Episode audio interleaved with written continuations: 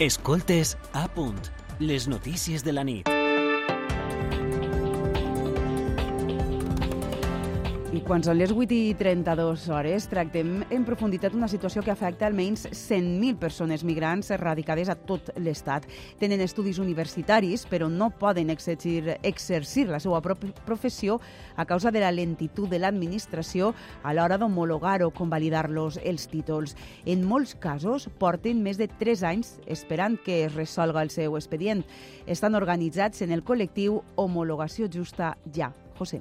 Sí, Alba, i de fet en pocs mesos este col·lectiu ja ha reunit més de 3.000 persones. La majoria són professionals de l'àmbit sanitari que provenen d'Amèrica Llatina, però també hi ha professionals de països europeus i fins i tot espanyols que han estudiat a l'estranger.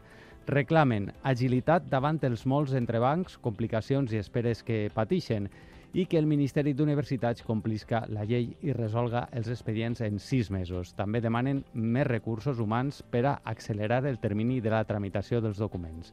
Demà es manifesten de nou a 14 ciutats de tot l'Estat, entre elles València, per a reclamar, entre altres, que s'agilissen els seus expedients. I per a posar llum sobre tot este coi d'ampolla burocràtic, tenim a l'altra banda, de, l'altra banda del telèfon Rami Ahmadi, que és la presidenta del col·lectiu Homologació Justa Ja. Senyora Ahmadi, bona nit. Bona nit. Según un estudio reciente, muchas de las personas de este colectivo llevan más de tres años esperando que se homologue su título. Y en su caso particular, usted es pediatra y lleva mm, casi cuatro años esperando. ¿A qué se enfrentan en su día a día y qué problemas comporta no, tindre, no, no tener el título homologado? Pues, pues puedes imaginar eh, nos pone en situaciones de riesgo de exclusión social. Eh, muchos de nosotros eh, eh, estamos mm, trabajando en puestos de muy poca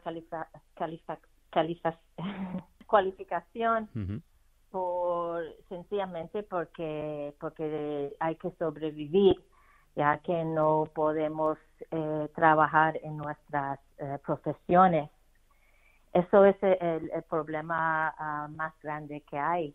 Además de, que eh, haber invertido tanto tiempo, esfuerzo, dinero en, en, la formación, ah, de nuestra, en nuestras profesiones y no poder ejercer, no poder contribuir a la sociedad española eh, es, una, es, un gran problema. Porque la mayor parte de, esta, de las personas que esperan son profesionales sanitarios, un hecho que contrasta precisamente con, con la falta de profesionales de este, de este tipo. ¿Tienen datos aproximados de la cantidad de profesionales de este ámbito que se podrían incorporar al sistema público de salud si tuvieran el título homologado? Pues lo que sí se sabe es que hay eh, ahora aproximadamente 100.000 expedientes de homologación y equivalencia que están pendientes de resolver.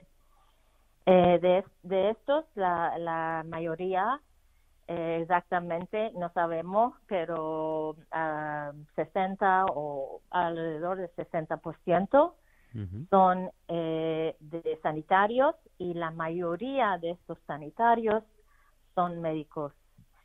Eh, el problema es que, claro, con la carencia de, médicos y sobre todo en la atención primaria eh, y pues también en especialidades no tiene sentido esa, esa demora tan prolongada porque mm, los sanitarios eh, de, eh, eh, con títulos extranjeros, claro, pueden pueden trabajar en, en, salud pública y, y, cumplir con esa, esa carencia que hay.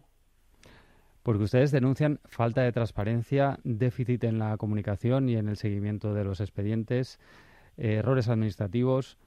El gobierno español reformó la normativa hace un año y medio y se comprometió a cumplir en los plazos. ¿Ha mejorado la situación en este tiempo? Eh, lamentablemente no, se ha, se ha puesto peor desde desde eh, desde octubre de, de, 2023, eh, perdón, 2022, en que cuando lanzaron la, el nuevo Real Decreto eh, para agilizar el proceso, pero realmente no no ha hecho no ha agilizado, están los expedientes presentados bajo el nuevo decreto paralizados, igual que los eh, del antiguo eh, nuevo decreto del 2014. Y es importante comentar que eh, los plazos determinados por los dos real decretos son plazos plazos de resolución son de seis meses y ya tenemos como como como medio de entre dos, tres años y, y a veces mucho más. He tenido dos eh, reuniones hasta ahora con el secretario eh, general eh, del Ministerio de Universidades. La, última era en diciembre del año pasado, cuando nos presentaron el plan de choque para poder acelerar el proceso pero mm, realmente eh, eh, la, parte más importante de este plan de choque era eh, poner, tener mm, unos 26 más funcionarios para trabajar en, en, en, el, tramitando las homologaciones y equivalencias. Pero estos, sumando con con los 15 eh, funcionarios que nos dijeron que ya tenían, eh, serían 41 funcionarios para eh, tramitar 100 mil expedientes. Mm.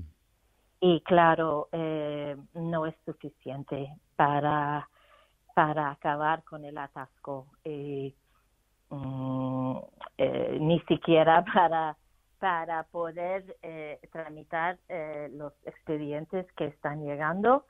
Están llegando eh, cuatro a, cinco mil cada mes. Claro, el plan de choque no, no va a resolver el problema. Y vamos a reunir otra vez en marzo con universidades para, para que nos digan eh, eh, eh, eh, qué han podido hacer con, con ese, ese plan. Pues, eh, Pero desde que nosotros sepamos, están, no, no, no, no, no hemos tenido ningún cambio en términos de resoluciones. La media son dos o tres años, por lo que usted comenta. Em, reclaman que se cumpla la directiva europea que marca el límite en dos meses para resolver estos expedientes. Para sanitarios.